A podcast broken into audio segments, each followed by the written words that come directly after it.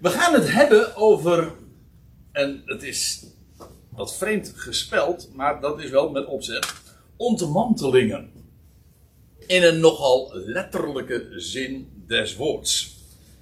Uh, we zullen allerlei uh, Bijbelplaatsen langs gaan en passages uh, bezien. Uh, waarin in geschiedenissen. En dan zullen we vooral ook vanmiddag bepaald worden bij de, de zoals dat heet, de typologische betekenis. De diepere zin achter dat wat er zo als geschiedenis of als verhaal beschreven wordt. Ontmantelingen. Laat ik eerst eens even uh, dat woord uh, wat uh, analyseren. want als we het hebben over ontmantelen, de etymologie, om meteen een, een heel duur woord te gebruiken, dat wil zeggen Etymologie is de wetenschap die zich bezighoudt met de afleiding, de herleiding van een woord. Waar komt het vandaan? Dat vind ik altijd erg boeiend. Het werpt vaak ook heel veel licht op de betekenis van een woord.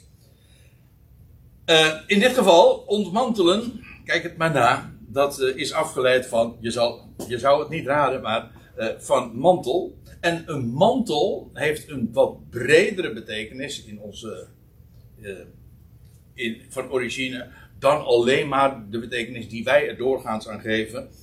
Uh, het is de omhulling. Het kan ook een de vesting zijn, dat wil zeggen van een stad, de ommuring. Uh, het kan ook een korst zijn. Zo gebruiken wij trouwens ook nog, hè? de schoorsteenmantel. Dat is uh, de versiering of de omlijsting van de schoorsteen. Of een, de aardmantel spreekt men ook over. Dat staat dan tegenover de aardkern. De mantel is daarmee dus feitelijk de buitenkant.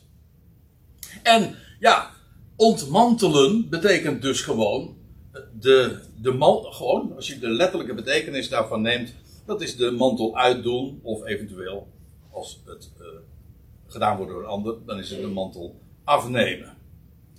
Uh, dan zal ik, uh, dan slaan we ook nog eventjes het woordenboek erbij op.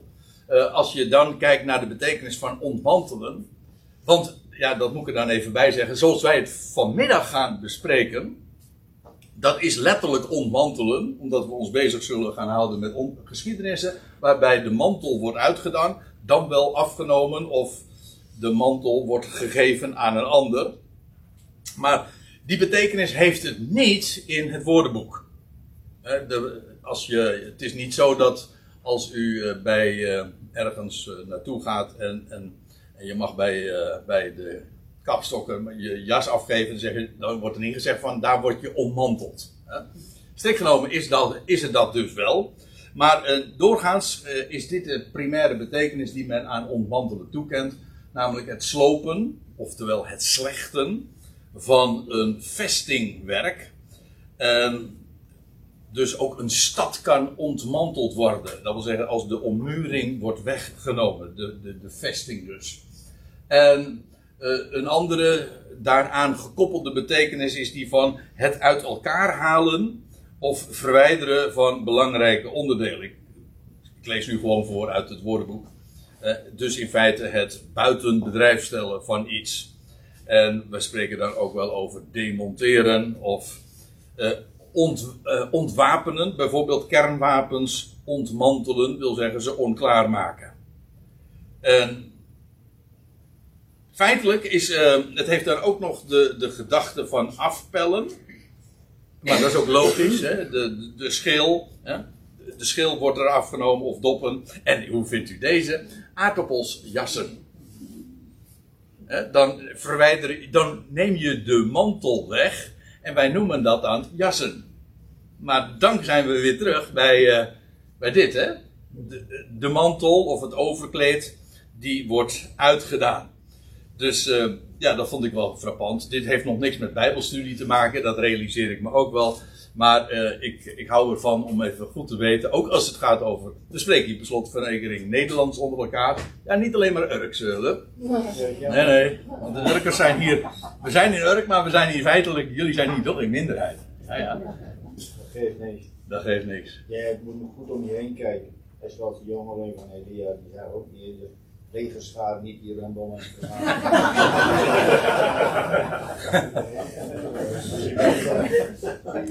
Jij wist zeker dat ik dit ging zeggen. Je bent hier groot. Het lijkt wel of je hier goed over nagedacht is. Maar goed. Hè? 1-0. 1-0, ja zeker. Ja, ja. ja, ik vind hem wel mooi. Oké, nou, eh, we gaan dan eh, naar ontmantelen in de schrift. In de letterlijke zin dus van het woord. Ehm, eh, niet zozeer trouwens over het scheuren van de mantel. Die wil ik wel even genoemd hebben. Want dat vind je namelijk ook nog eens een keer in de Bijbel. Feitelijk dat als de mantel of het overkleed wordt eh, ge- gescheurd. Ik moet er trouwens even bij zeggen dat, kijk, bij ons heeft de mantel, eh, zeker in, met dit, deze weersomstandigheden, vooral de functie van ja, bescherming van, tegen de kou. En die functie zie je, logischerwijs eh, veel minder in de Bijbel. Die komt er volgens mij wel een keer tegen. Maar die is trouwens omstreden als Paulus zegt van neem mijn mantel mee. Maar, en dat was ook inderdaad tegen de winter. Maar of het dan inderdaad daarover gaat, dat, eh, nou, daar, eh, dat parkeren we eventjes. Maar in ieder geval, die functie heeft het niet zozeer. Een mantel is dan gewoon, en dat gebruik ik dan eventjes allemaal bij elkaar, het overkleed. De buitenkant, zeg maar, van, het, eh, van het gewaad, ja. In, eh, ik, ik, ik, zal er even, ik zal een paar van die voorbeelden geven, waarbij je dat vindt. Eh, Waarbij dus het scheuren van de mantel eigenlijk ook een vorm van ontmantelen is. Want je neemt daarmee toch de functie van de mantel daarmee weg. Eh, ehm, bijvoorbeeld koning Salomo of kon- koning David die zijn kleren of zijn kleding, zijn overkleed, afhankelijk van de vertaling die je dan hebt, scheurde toen hij hoorde dat zijn zoon Amnon zijn halfzus Tamar had verkracht. Dan scheurt hij zijn kleding. En in 1 Koning 21 lees je dat ko- koning Agab zijn kleren scheurt. Toen hij een profetie hoorde over het, de, de rampspoed die eraan zou komen. En het bekendste, lijkt mij, is die we in Matthäus 26 aantreffen. Waarbij de hoge priester, eh, ja, in dit geval, eh, in verontwaardiging, of gespeelde verontwaardiging, dat weet ik niet helemaal. Maar in ieder geval verontwaardigd zijn, zijn bovenkleding eh, scheurt nadat eh, hij de claim van Jezus had gehoord dat hij de zoon van God is. En ja, dan hebben we het over de kleding van de hoge priester. En dat is, dat is nog weer een, een kledingstuk bij uitstek. Nou, ik wil ook dat. Ik, wij gaan het dus niet zozeer hebben over mantels in het algemeen en ook niet over het scheuren van de mantel. We, we zoomen wat in. Eh, we beperken ons nu tot het afnemen van de mantel, of zo u wilt, het overkleed. En het overdragen van de mantel en het overkleed. En ja, dan moet je ook, als we daarop inzoomen, ook weten wat, waar een mantel in het algemeen, of het overkleed, voor staat. Waar het symbool voor staat, waar het een type van is. Die is niet zo heel moeilijk, want in feite, ja, ook zelfs in het alledaagse spraakgebruik weten we wel wat de gedachte daarvan is. Een mantel of het overkleed staat voor in feite iemands identiteit of voor een functie. Eh, dan spreken we van een uniform meestal. Eh, en van een status, dat is nog helemaal eh, logisch. Trouwens, in het algemeen zeggen we al, kleren maken de man.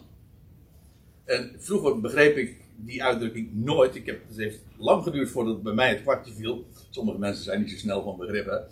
Maar eh, ik, toen dacht ik van, moeten mannen dan kleren maken? Kunnen vrouwen dat dan niet? Volgens mij kunnen vrouwen dat veel beter, eigenlijk. Dus, maar de gedachte is een heel andere. Maar de, als je, de kleding, hè, dat, is, eh, ja, dat maakt iets af. Geven expressie ook aan wie je bent of wat je bent. Hè, in feite daarmee, het, de mantel of het overkleed heeft eh, de betekenis van heerlijkheid, hè, van de glorie die men draagt. Ook letterlijk, hè, een, een, een, eh, een mantel draag je. En, en in dit geval, het is de heerlijkheid die, waarmee je je manifesteert.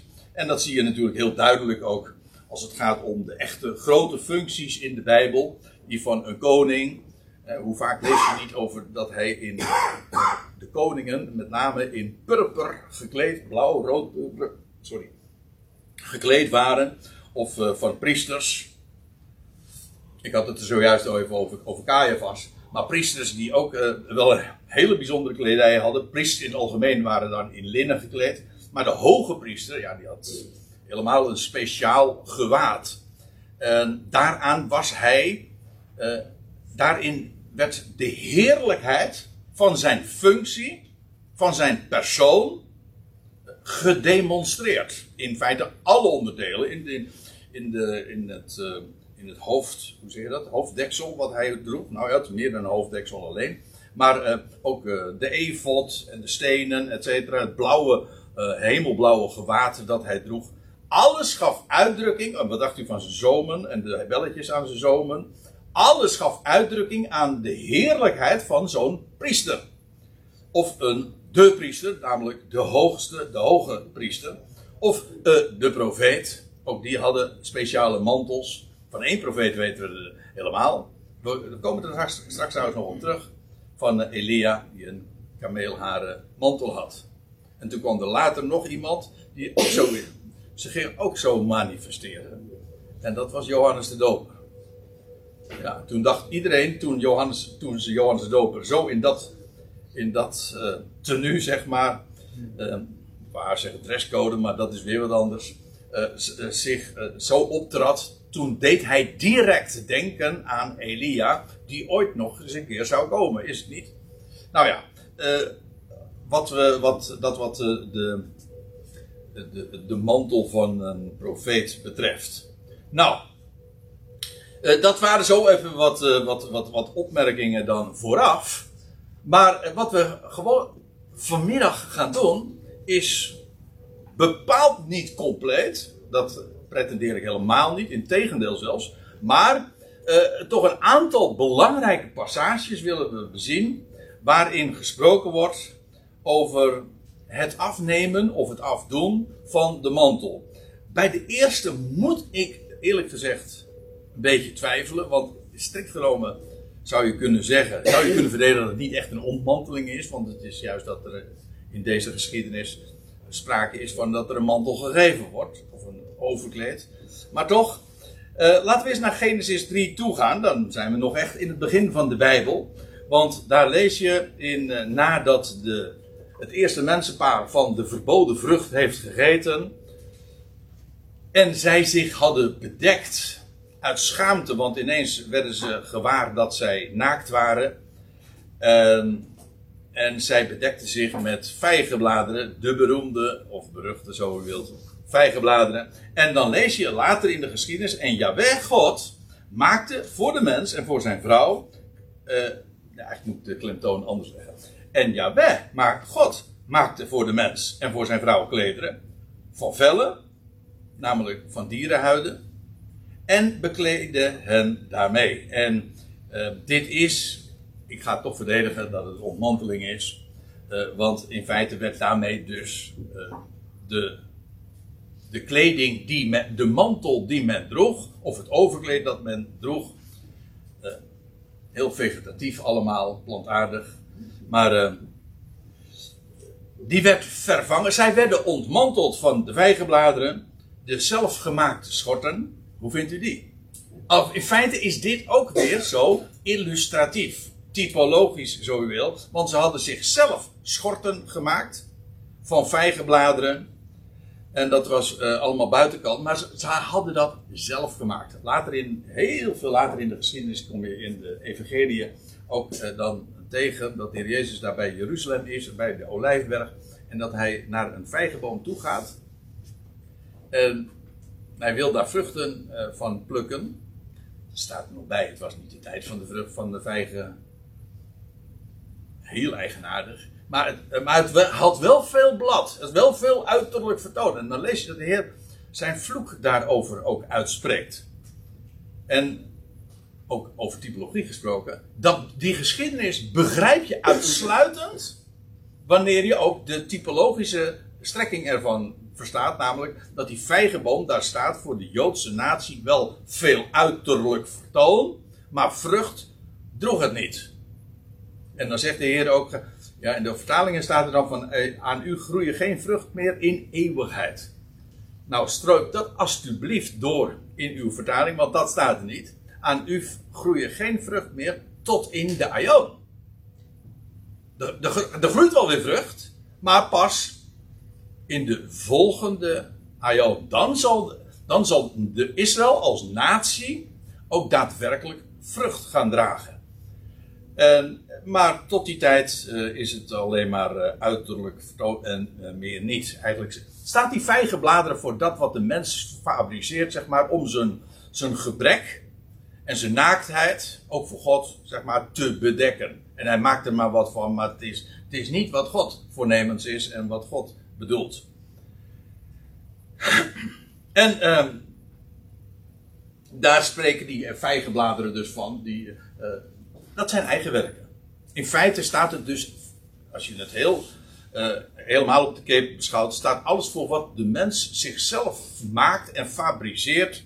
Eigen werken om voor God, uh, om zich te manifesteren. En God neemt dat af, hij ontmantelt dat en hij geeft daar iets anders voor in de plaats. Namelijk, er wordt een dier geslacht, want dat, is, dat gaat eraan vooraf. Hè? Want als, die, als, als je leest dan hij bekleedde de mens met, met vellen. Ja, dat wil zeggen met, met, huiden, met de huid van een onschuldig gestorven dier dus. Een dier dat gestorven is, of gedood is, want dat is het idee. En, en, en, en de mens, ja, we zeggen wel, je, moet in de huid kruipen van. En dat, daarmee bedoelen we empathie, hè? dat je, je, je, kunnen inleven. Nou, in dit geval, uh, wat God zegt, is: ik, de, de vijgenbladeren, jullie, jullie eigen gebreide, of hoe zeg je dat? Jullie eigen zelfgemaakte schorten, die mogen jullie uitdoen. Of die doe ik uit, zo u wilt. Maar in ieder geval, en ik geef je er iets anders voor in de plaats. Namelijk een dier dat eerst gestorven is. En in de huid daarvan kruip je. Dat is, dat is het idee. Dus het eerste menspaar krijgt daarmee dus feitelijk een mantel. Dat spreekt van hem. Ja, profetisch dus, hè. Dat spreekt van hem die ooit stierf. Maar alleen in hem, in de huid van hem die onschuldig stierf, kan een mens bestaan. En feitelijk zegt God daarmee, zet een dikke streep of een, door alles wat de mens bedenkt en zich, zich, zich maakt en zegt van niet wat jullie maken, maar wat ik doe. Via de weg van dood geef ik jullie leven en, en daarin kan een mens bestaan. Daar zit dus een hele diepe boodschap achter. Als, als, als God dit aan het eerste mensenpaar geeft. Nou, uh, dan gaan we veel verder bladeren in het boek Genesis. Ja, je komt nog wel meer, uh, zei, ik zei het al, eh, je komt meer mantels tegen. We zouden stil kunnen staan bij uh, en Jacob, die zich ook een mantel trouwens omdoet, om, zijn, om maar op Esau te lijken. Wat een slecht plan was trouwens. Maar goed, dan komen we bij Genesis 37. De ontmanteling van Jozef. Nou, misschien is dat wel een van de allerbekendste. Want, nou, u weet het. Jacob. Nou, laat ik het gewoon maar lezen, vers 3. En, en Israël, want zo heette hij sinds die ervaring bij de Jabok, bij die omkering, bij de, bij de Jabok werd Jacob Israël. En Israël had Jozef lief boven al zijn zonen, omdat hij hem een zoon van de ouderdom was. En hij maakte hem een pronkgewaad. Hij was, u weet het, Jozef was de eerste, was, ja gek genoeg, hij was de elfde zoon. En toch was hij ook de eerstgeborene, want de eerstgeborene van Rachel.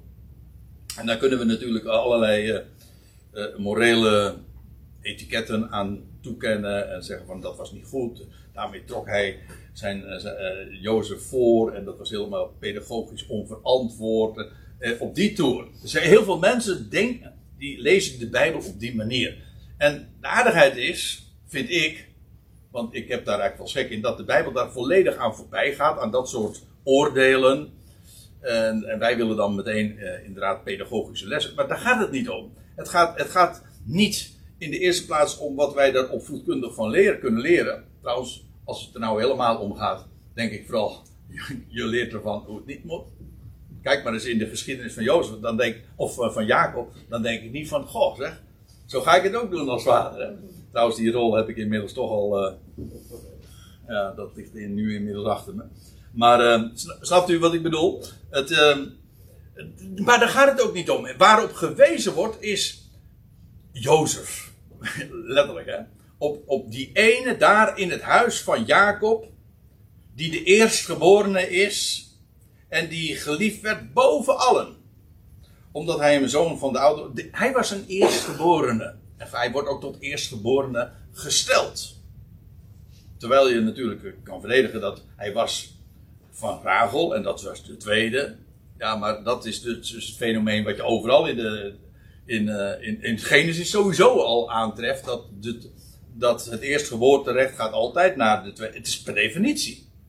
Ga maar naar de hele geschiedenis door. Alle geslachten. begint bij Abraham. in de geschiedenis van Jacob. In de geschiedenis van de, de volgende generatie van Jozef. En trouwens de generatie daarna ook. Hè. Ik hoef alleen maar dit te doen. Dat is uh, de zonen van Jozef. Die ook de rollen worden altijd. God draait de rollen om. En het eerste geboorterecht gaat naar de tweede. Maar waar het om gaat nu even. Die zoon van zijn ouderdom. Uh, en, hij, uh, daar staat er, en hij maakte hem een pronkgewaad. Of zoals de Statenverdaling zegt, een veelvervige rok. Een veelkleur. Ik moet altijd denken dan aan de. Hoe heet ze? Larry Norman naar Dolly Parton. De uh, Goat of, of Many Colors. Hè? Dat is een mooi nummer. En. Uh, ja, die, dus, en, uh, een, ja, een prachtig embleem natuurlijk. Die eerste, de eerstgeboren zoon, want dat is wat uh, hij is, die geliefd was door zijn vader, uh, in, daar in het huis Israëls, die kreeg dit pronkgewaad. En dan staat er, ik uh, sla nu een heleboel versen over en kom vers 23. Dan moet Jozef, ik ga er even gemakshalve vanuit dat u de geschiedenis kent. Dit is uh, haast ABC natuurlijk in de zonderschoolverhalen. U komt hier op bijbelstudie, dus ik denk een beetje, de meeste van jullie kennen dat wel. Dus daar ben ik dan gemakshalve van uitgegaan. Jozef gaat op zoek naar zijn broers. Ik hoop dat u trouwens nu net zo dubbelzinnig luistert als dat ik nu uh, spreek. Jozef, type, geliefde van de vader, het eerstgeboorterecht krijgt toegekend. Hij gaat op zoek naar zijn broers. Zodra Jozef bij zijn broeders gekomen was, trokken zij Jozef zijn kleed uit. Uh, zijn kleed uit, het, uh, namelijk het pronkgewaad dat hij droeg. Hier wordt Jozef dus ontmanteld. Zijn heerlijkheid wordt hier afgelegd. En ze namen hem en ze wierpen hem in de put. De put nu was leeg, er stond geen water in.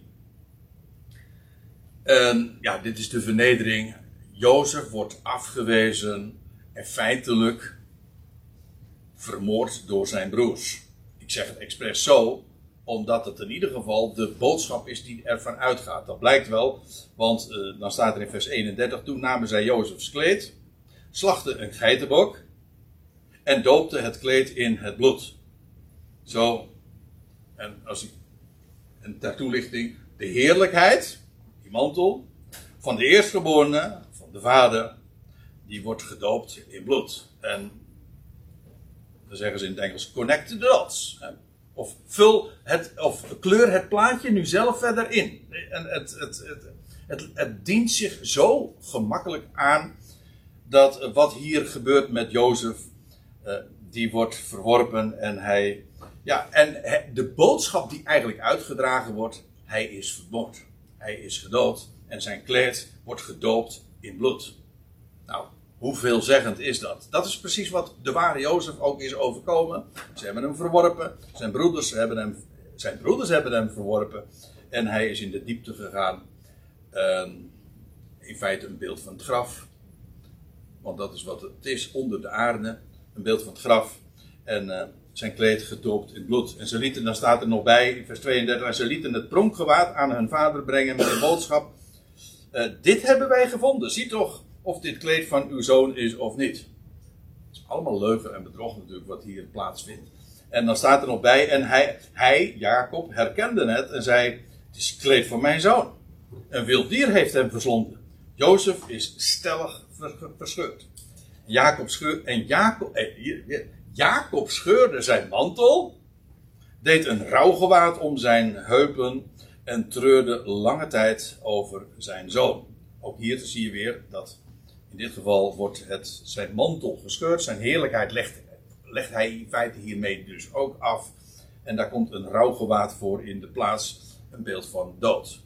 Eh, kleding is heel dikwijls ook hoort niet alleen maar bij eh, de identiteit en bij een bepaalde positie of functie, maar het is vaak ook, ik gebruikte zojuist het woord dresscode, maar uh, in feite is kleding dat ook heel vaak. In, in je gaat naar een bruiloft, kijk, de bruid draagt een, de bruidsjurk en de bruiloftsgasten dragen een bruiloftsgewaad, of hoe, heet dat? Een uh, bruiloftskleed. Hè? Dat is een, nog een bekende gelijkenis zelfs in de Bijbel daarvoor. En als je naar een begrafenis gaat, dan ga je ook stemmig gekleed. Niet per se het zwart, maar nou ja, u begrijpt. Uh, en trouwens, er zijn tegenwoordig heel wat feestjes. Ik heb er een grote hekel aan, maar dat is een ander ding. Uh, als daar dan een bepaalde dresscode is. Zeker als je heel uh, uitzinnig je dan moet uitdorsen. Daar ben ik nooit zo van. Oké. Maar uh, Jozef wordt, dat is het idee, Jozef wordt doodgewaard. En dat, is, dat speelt natuurlijk nog uh, jarenlang door. En dan is inmiddels Jozef in Egypte. En, en juist vanmorgen heb ik daar in Epe ook over mogen spreken. Toen kwam dit ook nog even ter sprake. Maar een schitterend, uh, schitterende geschiedenis. Die je haast één op één kunt leggen naast dat wat de ware Jozef is overkomen. En dan komt hij in Egypte. En, en, en, en dan lees je als hij zich later dan bekend maakt aan zijn broeders. Van ja, maar jullie hebben mij niet hierheen. Hij zegt, jullie hebben mij hier niet heen gebracht. Naar de mens gesproken was dat zo. Maar uh, hij zegt, God heeft mij hier, in, hier naartoe gestuurd. Hij vergeet dus helemaal de, de, de menselijke kant van het verhaal. Die was wel waar. Maar het wordt overroeld door de hand van God. Hadden zij schuld? Jazeker. Maar Jozef spreekt daar niet over. Hij zegt: God heeft mij naar, uh, naar, uh, naar Egypte gestuurd. Waarom? Om jullie, moordenaars, in leven te houden. Nou, een volk. Uh, om een heel volk, zo, om een overblijfsel, hoe staat het precies, in leven te houden. Ja, precies. Dus dat was de goddelijke gang van zaken. Maar goed, even bij de mantel te blijven. Die was, die was Jozef, zijn mantel wordt afgelegd. Zijn heerlijkheid wordt afgenomen, gedompeld in bloed. En, en dat staat voor de ware Jozef. Dan gaan we verder naar een andere geschiedenis. In 1 Samuel 15. En de ontmanteling van Samuel. Uh, nou ja, laten we, laten we het even lezen. Een paar versen daaruit, dat hoofdstuk.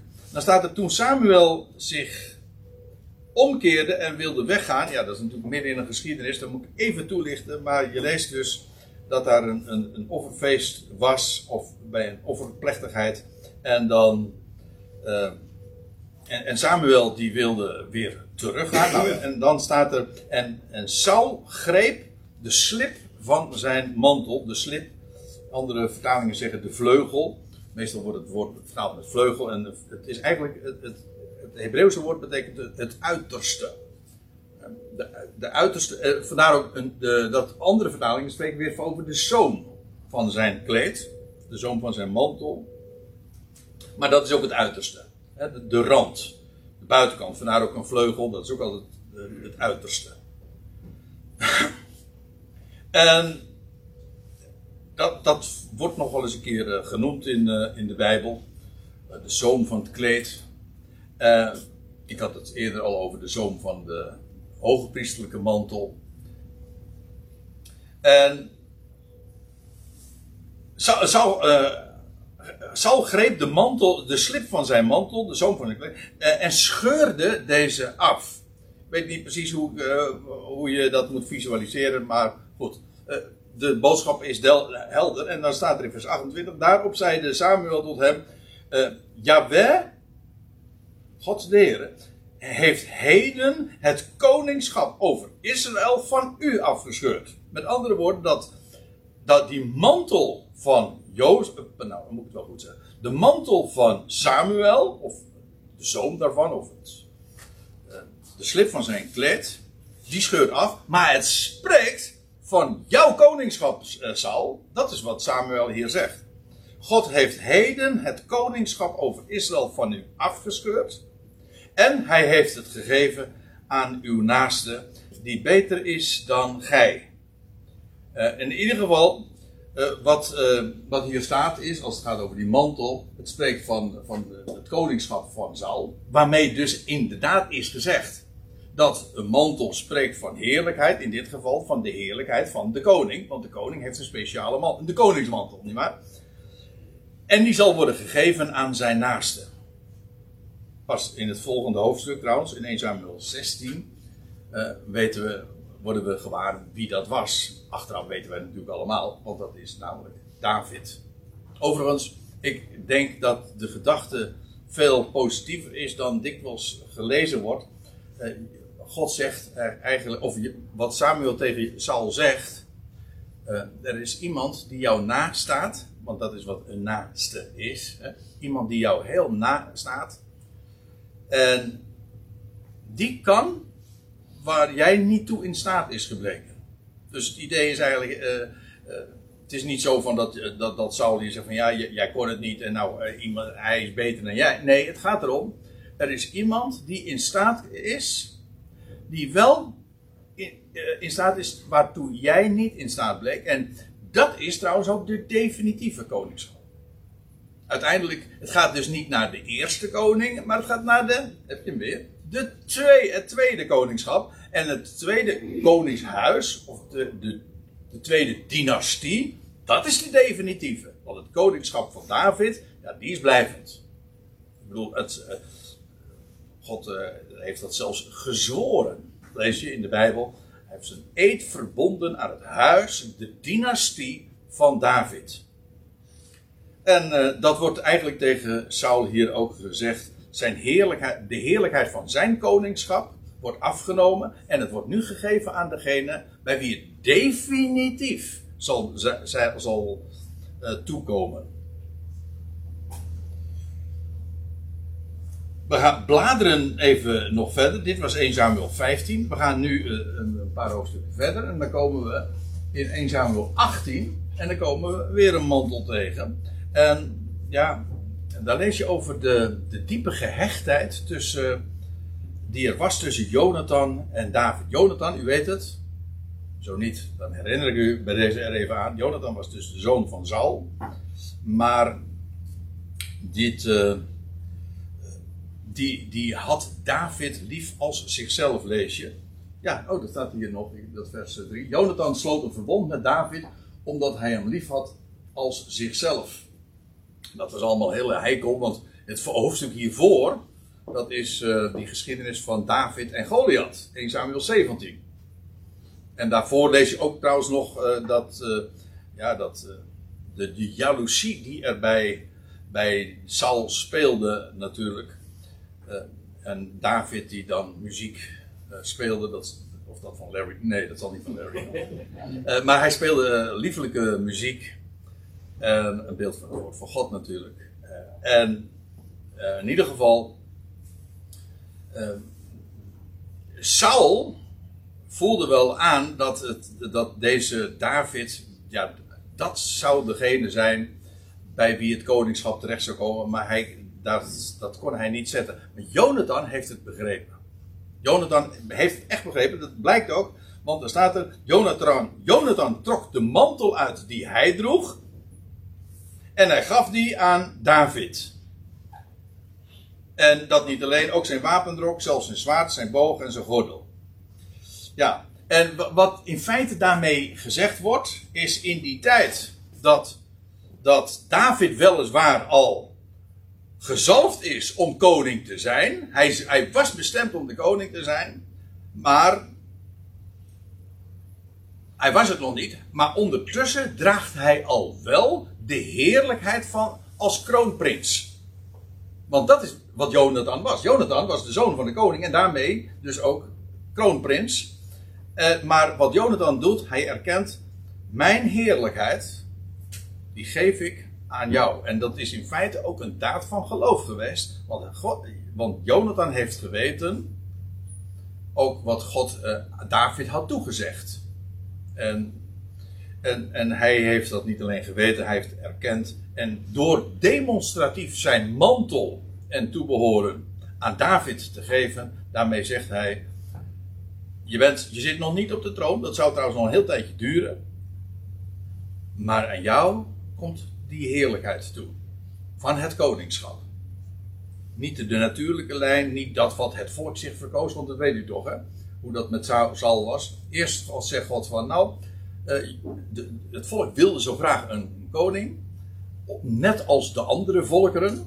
Het, het motief deugde al niet. En dan zegt nou, dan krijgen jullie een koning naar jullie hart. En dan, maar de tweede, dat is de definitieve, dat was een koning naar Gods hart. En Jonathan heeft dat erkend en door zijn mantel inderdaad uit te trekken en die over te dragen aan David, erkende hij daarmee ook de heerlijkheid van het koningschap.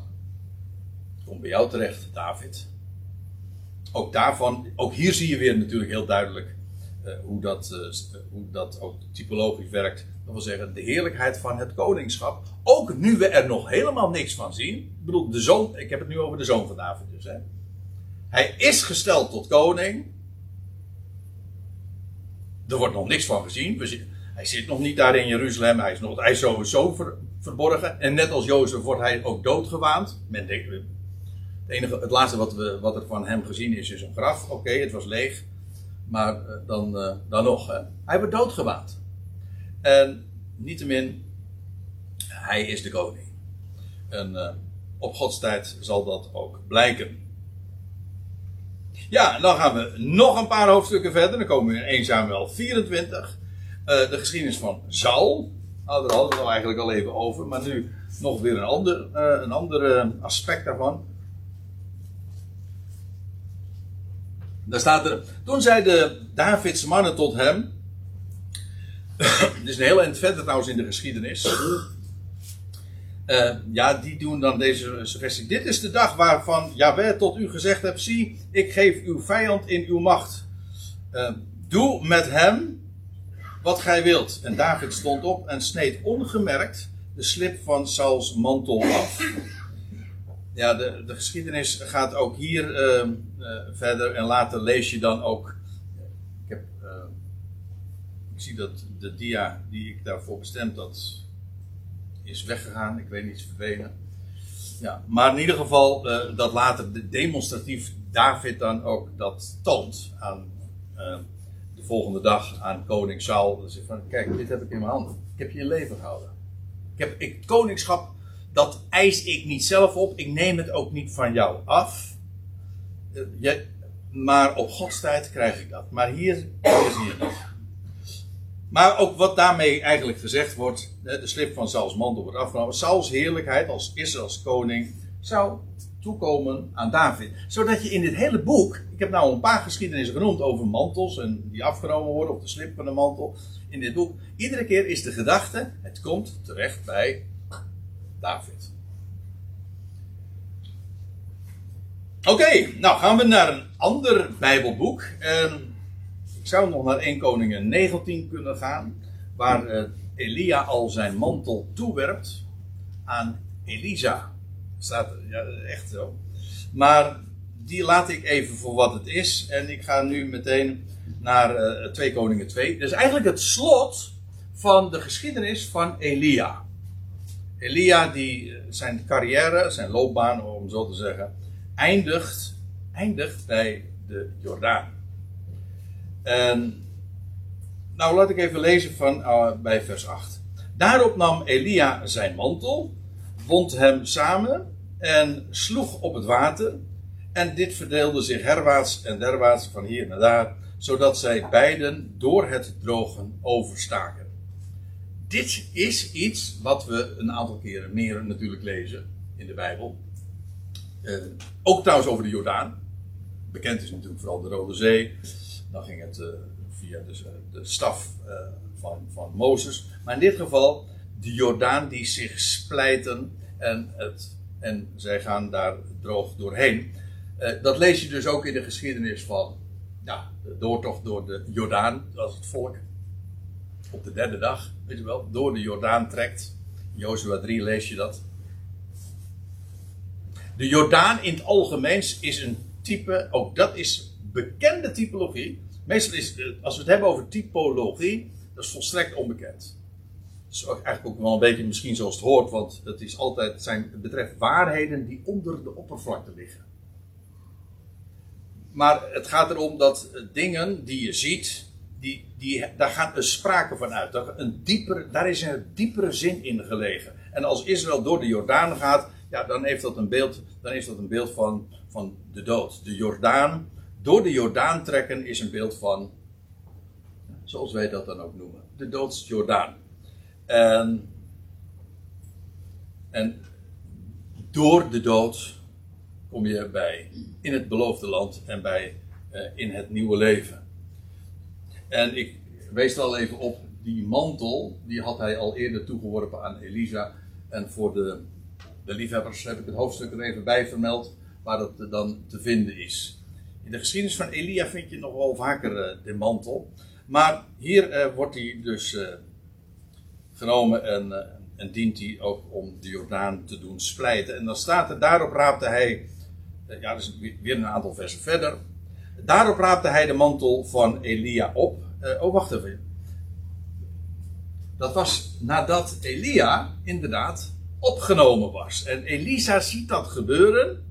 En hij ziet ook dat de mantel van Elia, die, die wordt, hij laat zijn mantel achter en die, die ligt daar voor de voeten, bij wijze van spreken, van Elisa. En dan lees je, als hij die dan, als Elia dan opge, uh, opgestegen is, nou moet ik weer aan een lied denken, en dan weer een Jack Coltrane, hè? Going Like Elijah, als we dan toch in de, in de popsferen vanmiddag zijn.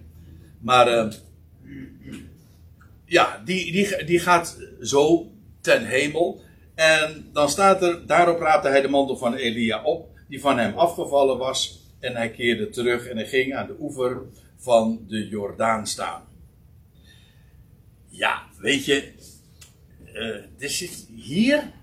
Ik heb er een beetje moeite mee om dit nou uh, in goede orde even kort te vertellen.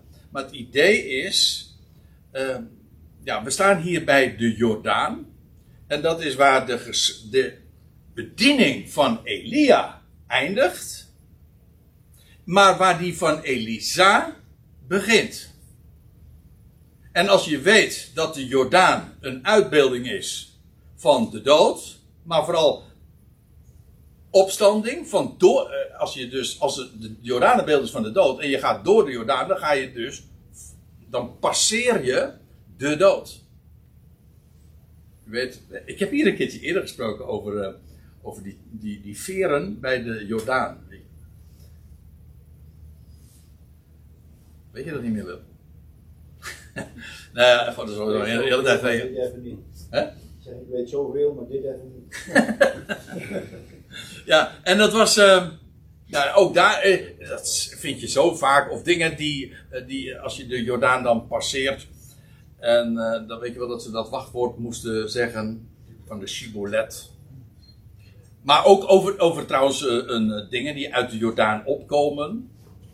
Uh, die bijl bijvoorbeeld.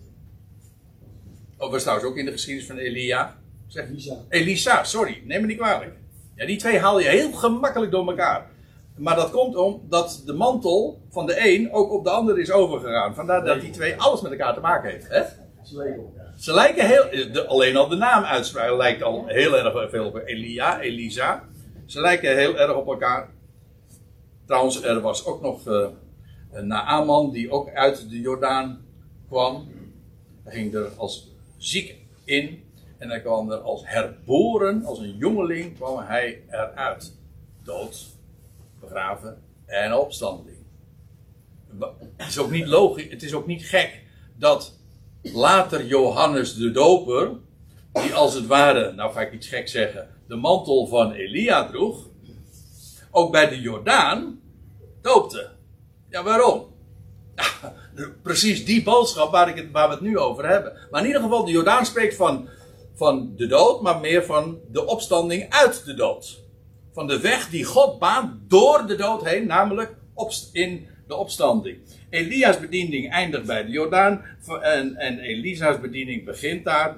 En wat ik er eigenlijk mee wil zeggen is, Elia staat voor, maar ik kan het niet echt uh, nu verder uitwerken. Maar Elia staat voor Jezus. En daarmee bedoel ik degene die hier geboren werd en de naam Jezus kreeg en hij stierf ooit.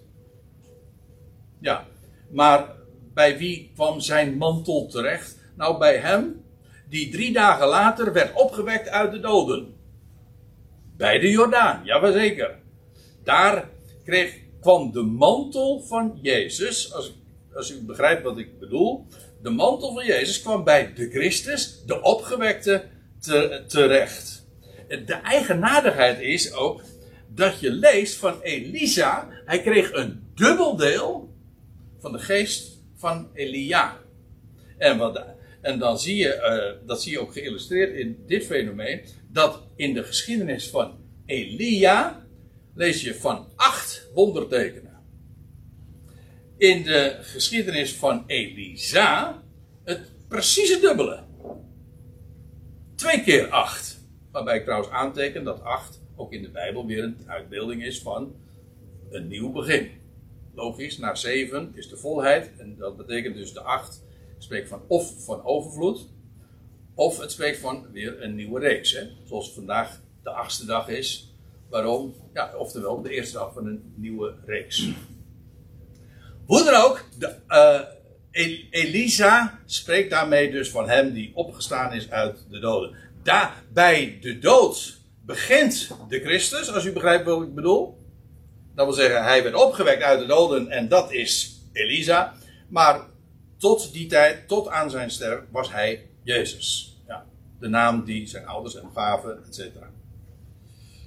Dus ook, uh, ook hier weer die ontmanteling, maar eigenlijk ook de overdracht van de mantel. De mantel van Elia, die komt bij Elisa terecht.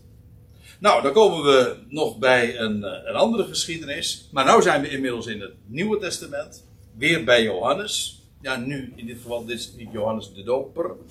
Maar Johannes, een van de twaalf, die, die, uh, die het Evangelie heeft opgetekend.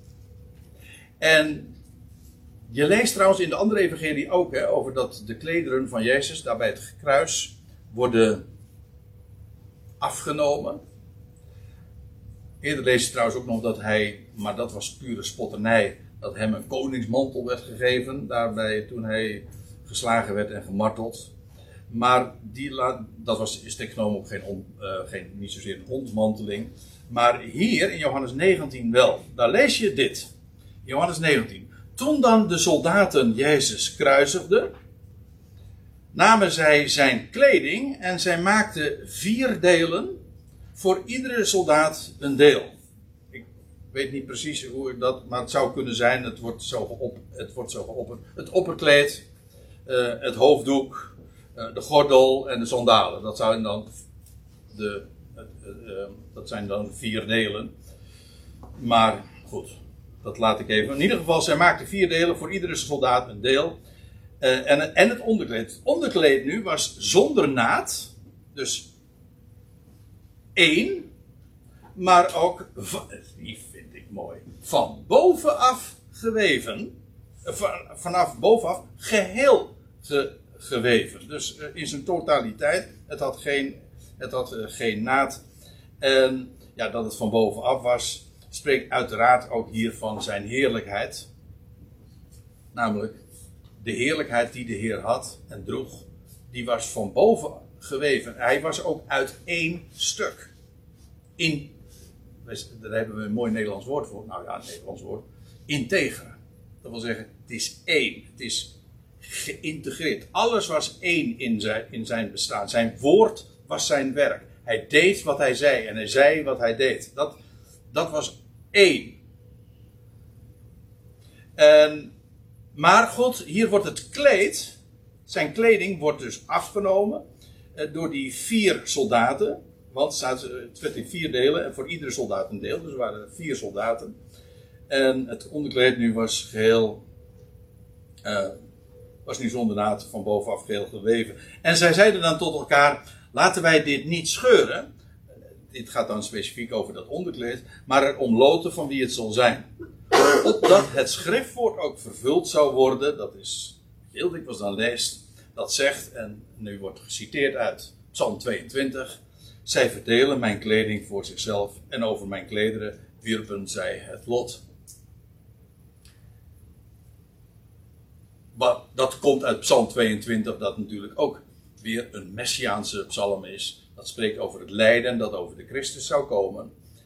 Het begint ook met die woorden: Mijn God, mijn God, waartoe hebt gij mij verlaten?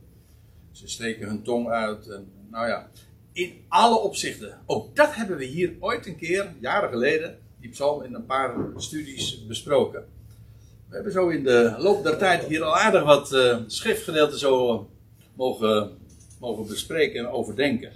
Maar uh, dat is, het was voorzegd. Zo zou het gaan. En kijk waar het hier eigenlijk over gaat. Jezus' heerlijkheid, zijn kleed, zijn kleding in het algemeen, komt van Gods wegen. Die, vind ik mooi. Want dat is wat namelijk loting is. In feite, wat, waarom uh, loten we? En dan heb ik het nu niet eh, die diepe gedachten zitten bij de loterij niet bij. Namelijk dat je het aan God overlaat. Maar in de Bijbel is dat wel in ieder geval de betekenis. In het algemeen, maar zelfs in, bij de loterij, is wel het idee: de mens heeft er geen invloed op. Want als op het moment dat, uh, dat er bij een of andere loterij gemanipuleerd, want dat is manipulatie, ja, dan is het niet eerlijk meer. Het hele idee is: uh, wij trekken onze handen ervan af. Wij hebben hier geen invloed op. En wij weten dan ook. Dat betekent dus, God bepaalt de uitslag. Dat staat ook letterlijk zo in spreuken. Prachtige tekst, hè? Het lood wordt in. Zeg het nog eens. Het lood wordt in de schoot geworpen, maar het beleid daarvan is van de Heer. Zo is het. Dat is de Statenvertaling, ja. Ja, dat ik weet niet anders. Ja, ja zeker. Ja. Maar de uitkomst daarvan, of het, ja, het lot wordt in de schoot geworpen, maar de uitkomst daarvan, of het beleid daarvan, is van de Heer. Ja, van wie anders? God bepaalt dan de keuze. Loting is een, als je het zo bekijkt, een geweldig systeem. Wij, wij, nou ja, goed, ik zou haast politieke statements hier gaan maken, maar. Nou ja, het is 22 november, het zijn verkiezingen, maar ik pleit voor loting. Maar eh, ze hebben dat in Den Haag nog niet helemaal eh, begrepen. Het zou een hoop uh, ellende trouwens opleveren. Uh, nee, opleveren. ja, nou ja, misschien ook wel opleveren wellicht. Als we daarvoor zouden kiezen. Maar ik denk, een heleboel strijd. Dat je, al die conflicten, die hebben we daar niet. Gewoon, we laten de keuze aan God. We laten de keuze aan God. Hij, hij mag kiezen. Hier, dit zijn de kandidaten. En zo deden ooit trouwens de, de, de apostelen dat ook. Hè? Dus er waren twee kandidaten. Nou ja, wie gaan we kiezen? Ja, dat konden zij zelf doen. Maar ze zeggen van nou heer, we, loten. En dan, dan, dan is het aan u om de keuze te maken. Ik vind het geweldig hoor. Nou ja, uh, dit zeg ik even ter overdenking. Maar uh, waar het natuurlijk om gaat, het kleed van Jezus, zijn, heer, of zijn heerlijkheid komt bij van Gods wegen, loting, bij de vier terecht. En dan moet je die ook nog even begrijpen, want de vier in de Bijbel is, dat is een geweldige symboliek. Maar laten we hem even simpel houden. De Bijbel spreekt over de, de, vier hoeken der aarde. En dan gaat het over de vier windhoeken. De vier windstreken. Noord, noord zuid, oost, west. Ja, die. Die vier. Dus als, het, uh, als de vier spreekt eigenlijk uh, van, ja, van, de, van wereldwijd. In alle richtingen. En in feite hiermee ook van de natie. Trouwens, die soldaten waren Romeinen. Het kwam bij de Romeinen terecht. En bij de vier en de heerlijkheid van hem die daar hing, komt dan In feite is dat ook weer een verborgen aanwijzing. Het komt bij de natieën terecht. Op goddelijke wijze is dat beschikt.